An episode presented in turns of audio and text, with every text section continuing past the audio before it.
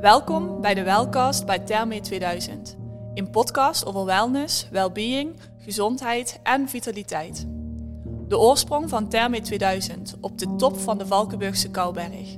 Daar waar heilzaam water uit bronnen 380 meter diep in de grond wordt opgepompt en mentale rust en ontspanning op één staan.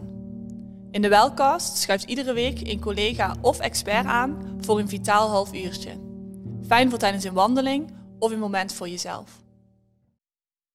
Nou, vroeger, toen het nog kon, ging ik regelmatig met mijn zus of met mijn vriendinnen uh, op pad voor een dagje wellness. Overal waar je dan komt, heb je de mogelijkheid om een heerlijke, ontspannende massage te boeken. Wat ik hier altijd opvallend bij vind, is dat je een soort van twee kanten hebt. Je hebt de ene groep uh, die een massage heerlijk en ontspannend vindt, terwijl de andere groep er juist niet aan moet denken aan een massage en het vooral geldklopperij vindt. Maar wat is daar nou eigenlijk van waar? Werkt een massage echt ontspannend en doet het echt iets voor lichaam en geest, of juist helemaal niet? Vandaag spreek ik daarover met Davy.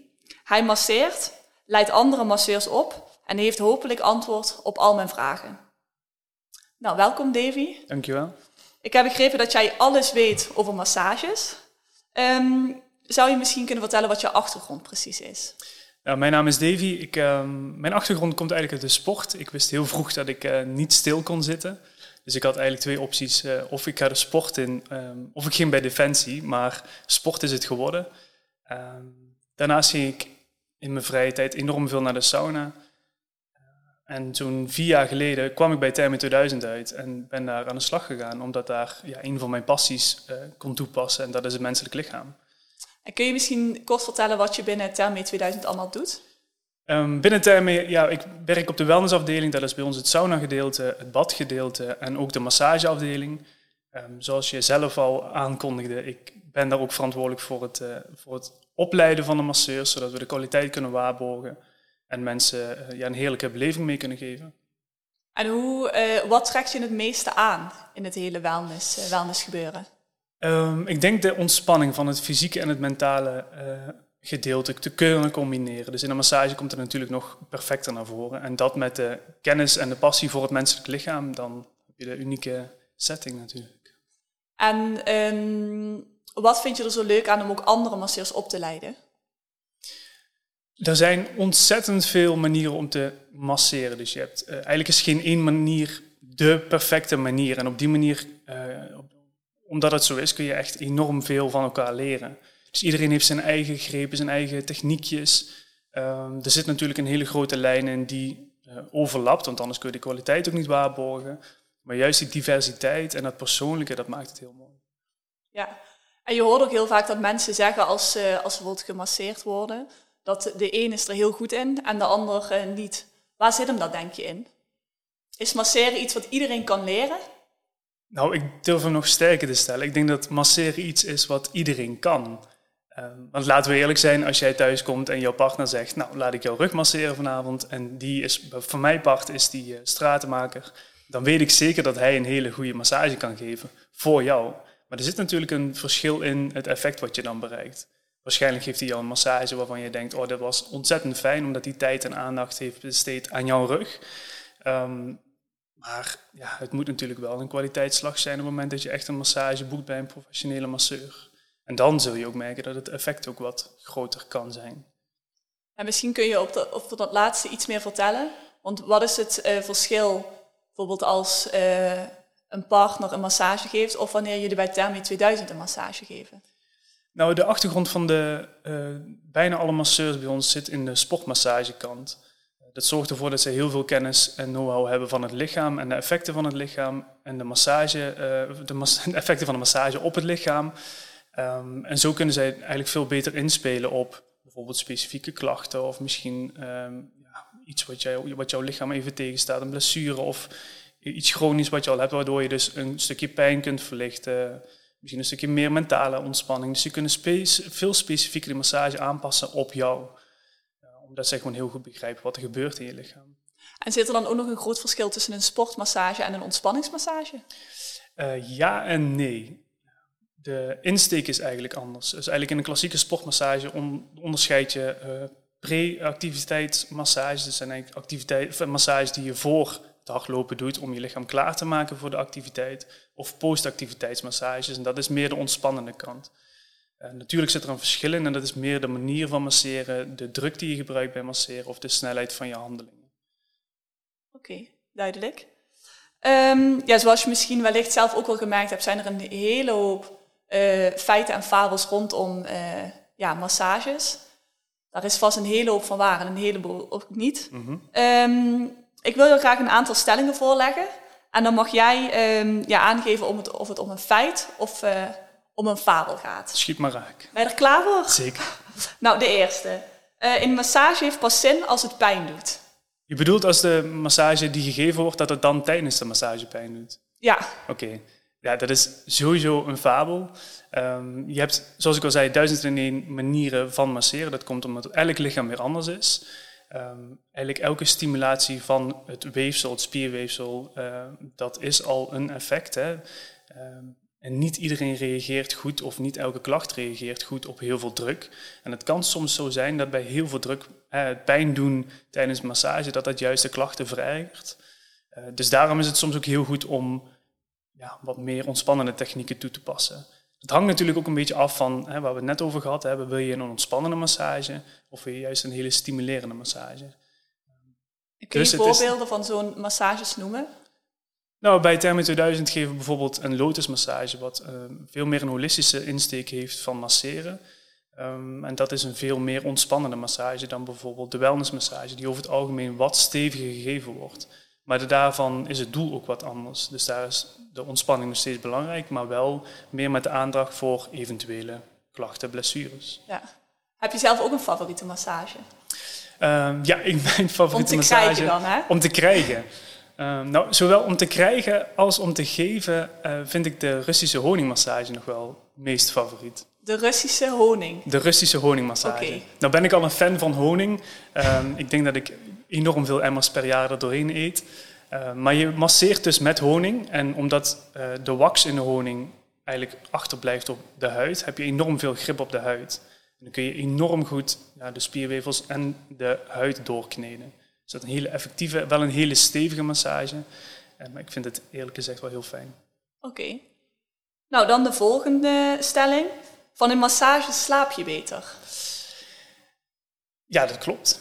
Um, masseren heeft invloed op een aantal hormoonlevels. je hebt het gelukshormoon, het knuffelhormoon, uh, en die worden eigenlijk verhoogd. Dat, die niveaus gaan omhoog in je lichaam. En dat komt eigenlijk gewoon simpelweg door aanraking, dus door, door de handen op een ander lichaam. Um, en het reduceert ook nog de stresshormonen. Dus uiteindelijk slaap je daardoor een heel stuk beter.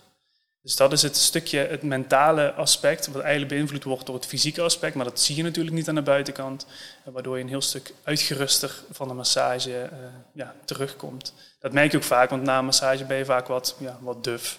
Wat, eh, wat, ja, ja, of je valt in slaap tijdens de massage. Dat, dat gebeurt ook, ook wel eens ooit, ja. ja. Het zal niet de eerste keer zijn dat iemand enorm hard begint te snurken tijdens een massage. dat kan ik me voorstellen, ja. En is het dan ook zo dat je bijvoorbeeld adviseert om een, een massage te geven voordat je gaat slapen? Of is daar eigenlijk geen tijd aan gebonden, of een moment? In principe is daar niet per definitie een tijd aan gebonden. Afhankelijk natuurlijk weer van je doel. Op het moment dat je uh, een massage in wil zetten omdat je dan uitgeruster bent of je stress wat weg kunt nemen, ja, dan zou ik het wel misschien voor het slapen gaan doen. Uiteindelijk is natuurlijk slaap het allerbelangrijkste in, uh, in mijn leven. Nee, in ieders leven natuurlijk. um, En we kennen allemaal wel het gevoel op het moment dat we op bed liggen en we kunnen niet slapen door stress of door enorm veel gedachten in je hoofd. Um, en dat kan ook wel eens weer veroorzaken dat je enorm veel ja, klachten krijgt, blessures krijgt, die je dus uiteindelijk weer met massages eventueel zou kunnen verhelpen. Dus dan zou je massage in kunnen zetten als preventief middel. Zit er eigenlijk een limiet aan het krijgen van een massage? Dus stel, ik zeg van nou, ik wil iedere dag een massage, is dat goed voor me? Je zou in principe elke dag gemasseerd kunnen worden, ja. Of het goed voor je is, ja, er is niks mis mee. Laat ik het zo stellen. Oké, okay. okay, dan de derde stelling. In massage zorgt voor de afvoer van afvalstoffen. Dat klopt. Als je gemasseerd wordt, dan druk je als het ware je spierweefsels, in ieder geval de zachte weefsels in.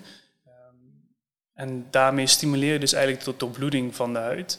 En gaan de lymfevaten opstaan. En zo krijgen zij de kans om door middel van je bloed eigenlijk de afvalstoffen ehm, af te voeren Meestal noemen we dat een beetje de, de knopen die in je lichaam zitten. Dat zijn soms van die harde knobbels die je misschien in je schouders voelt of wat dan ook. Je voelt het soms ook wel eens uh, krakken ehm, als je je schouder roteert bijvoorbeeld.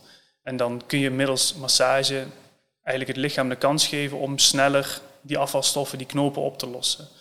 En dan, ja, dan wordt het dus inderdaad op die manier gestimuleerd. Ja, want op dat, dat knakken wat je aangeeft, hè, heel veel mensen doen dat ook wel eens zelf met hun, met hun nek. Ja, maar dat is eigenlijk heel iets anders. Dus wat ik bedoel is dat je, als je je schouder roteert, dan, dan voel je hierachter wat, of in je, in je schouderblad wat, ja, wat gekraak, mhm. gekrak. Wat jij benoemt is eigenlijk heel wat anders. Het zit meer in de tussenwervels die je dan wat ruimte geeft. Oké, Oké. dan de volgende stelling. Als ik nergens last van heb, heb ik ook geen massage nodig. Ja, ik kan me voorstellen dat mensen zo denken. Het is, het is lastig. Heb je hem dan nodig? Uh, eigenlijk is massage in heel veel gevallen uh, eigenlijk een preventief middel. Ik benoemde het net al in verband met stress. Een massage kun je inzetten als preventief middel om, uh, om klachten te voorkomen. Om eigenlijk het lichaam in de meest optimale staat te houden, zeg maar. Dus um, ja, het is niet helemaal waar wat je zegt. Heb je hem oprecht hard nodig? Ja, misschien voor je mentale ontspanning, wat natuurlijk enorm belangrijk is, zou ik hem eigenlijk altijd wel adviseren.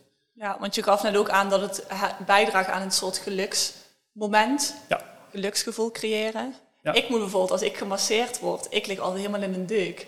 In een deuk? Ja. Waarom? Ik, ik vind het heel grappig. Ik maar wat vind je er grappig aan? Ja, weet ik niet. Oké, is het de aanraking, is het, het gekriebel of wat is het? Ja, de setting ook. Dus ik kan me wel voorstellen dat het wel een soort geluksmoment is. Oké. Ja, als je, als je dan in een deuk ligt, dan ben ik heel benieuwd wat voor massages jij krijgt dan. vast niet de goede. Oké. Uh, dan alweer de laatste stelling. Als je zwanger bent, kun je je niet laten masseren. Ja, dat is, dat is absoluut een, fabel. Um, er zijn specifieke uh, zwangerschapsmassages uh, vergt wel enige uh, kennis die je wat meer moet hebben. Want ja, zwangerschap is enorm gecompliceerd. Er gebeurt enorm veel in het, uh, in het vrouwelijk lichaam. Um, dat, dat, dat is bijna niet uit te leggen in een, in een korte podcast, zeg maar. Um, dat betekent dus ook dat je je massage daarop aan moet passen. Dus je zult nooit alle massages bij een zwangere vrouw kunnen geven. En je zult ook niet alle massagetechnieken bij een zwangere vrouw moeten geven. Zo simpel als dat het kan zijn. Ik ga natuurlijk niet een buik masseren, niet hard in ieder geval bij een zwangere vrouw. Terwijl het wel kan, want het kan juist voor het stukje ontspanning, het stukje stress wegnemen, kan het enorm goed zijn. Dus er kunnen wel massages plaatsvinden, maar wel goed in aangepaste vorm. Zeker. In sommige gevallen zou je het bijna kunnen adviseren. Waar we het net over hadden, slaap. Uh, bij de dames kan het wel eens zo zijn, zeker naarmate ze wat verder in de zwangerschap zijn, dat ze wat liggen te woelen s'avonds. En dan zou je dus inderdaad massage in kunnen zetten als middel om beter te slapen. Om vervolgens weer minder last te hebben van fysieke klachten. Ja. Dus ook dan is het inderdaad preventief zoals je aangeeft. Ja, dan wordt het een preventief middel. Ja. Oké, nou dat waren de stellingen. Uh, nu in, uh, ja, in tijden van corona is het natuurlijk lastig om uh, naar een, een wellness te gaan, zoals daarmee 2000, om daar een, een massage te boeken. Heb je nog tips voor de mensen thuis? Wanneer ze zelf aan de slag gaan met masseren? Eigenlijk de belangrijkste tip is, doe het vooral met aandacht. Dus neem de tijd, neem, eh, neem eh, de tijd, neem de tijd voor je partner. Uh, creëer de juiste setting. Hoe lang duurt een gemiddelde massage? Daar, ja, daar hoef je niet per definitie een tijd aan te zetten, zeg maar. Het hangt natuurlijk weer een beetje af van je doel, maar als je thuis gewoon je partner wil verblijden met een, met een prettige massage, omdat ze of hij een hele lange stressvolle dag heeft gehad, neem gewoon lekker de tijd voor elkaar, geef aandacht aan elkaar. Ehm, en dan uh, ben je zo weer een uur verder, denk ik. Creëren van de juiste setting is dan natuurlijk wel belangrijk. Dus een klein kaarsje aan, lichtjes wat uit, mooi muziekje op en dan kom je een heel eind. Dan is het helemaal af. Ja. Oké, top. Um, maar hoe masseer je nou, ja, hoe masseer je nou precies? Ik kan me voorstellen dat daar van alles, uh, van allerlei regels en uh, ja, handige tips en trips, tips en tricks bij komen kijken. Wil jij nou graag als luisteraar antwoord krijgen op deze vraag? Meld je dan aan voor de massageworkshop op afstand. Deze workshop zal plaatsvinden op, hoe kan het ook anders, Valentijnsdag. Romantischer wordt het niet. Kijk op Facebook en Instagram om je aan te melden. Uh, uiteraard kan ik me voorstellen dat een goede voorbereiding daar uh, het halve werk is. Kun jij misschien aangeven wat de mensen nodig hebben als ze zich aanmelden voor de workshop? Zorg in ieder geval dat je een, eh, een, een, mooie plek hebt om te liggen. Ik zou zelf het meest makkelijke is op bed gaan liggen, eh, want dat is het meest ontspannen. Hè. Dan lig je in ieder geval lekker. Um, soms kan het ook fijner om een hardere ondergrond uh, te kiezen, maar dan ja, ligt natuurlijk niet zo relaxed op de vloer met een handdoekje. Dus ga lekker op bed liggen. Neem in ieder geval wat kaarsjes mee. Zorg voor wat handdoekjes om eventueel je bed te beschermen tegen de massageolie. En natuurlijk het allerbelangrijkste, de massageolie zelf. Dus je moet iets glijdend hebben. Je zou bijna slaolie kunnen gebruiken, maar kijk gewoon even dat je bij de Albertijn een, een massageolie kunt, kunt regelen. of honing, heb ik net geleerd. Of honing, maar dat wordt wat ingewikkelder. En het kan soms ook best wel pijnlijk zijn. Oké. Nou, Davy, hartstikke bedankt voor je, voor je tijd. Ik ben in ieder geval een stuk wijzer geworden met betrekking tot uh, massages. Uh, in de volgende welcast gaan we in op het stukje meditatie. Daarvoor zullen we dan ook verhuizen naar de rustruimte van Therme 2000, Dream, in het uh, Infinitum. Voor nu heel erg bedankt voor het luisteren en tot de volgende keer.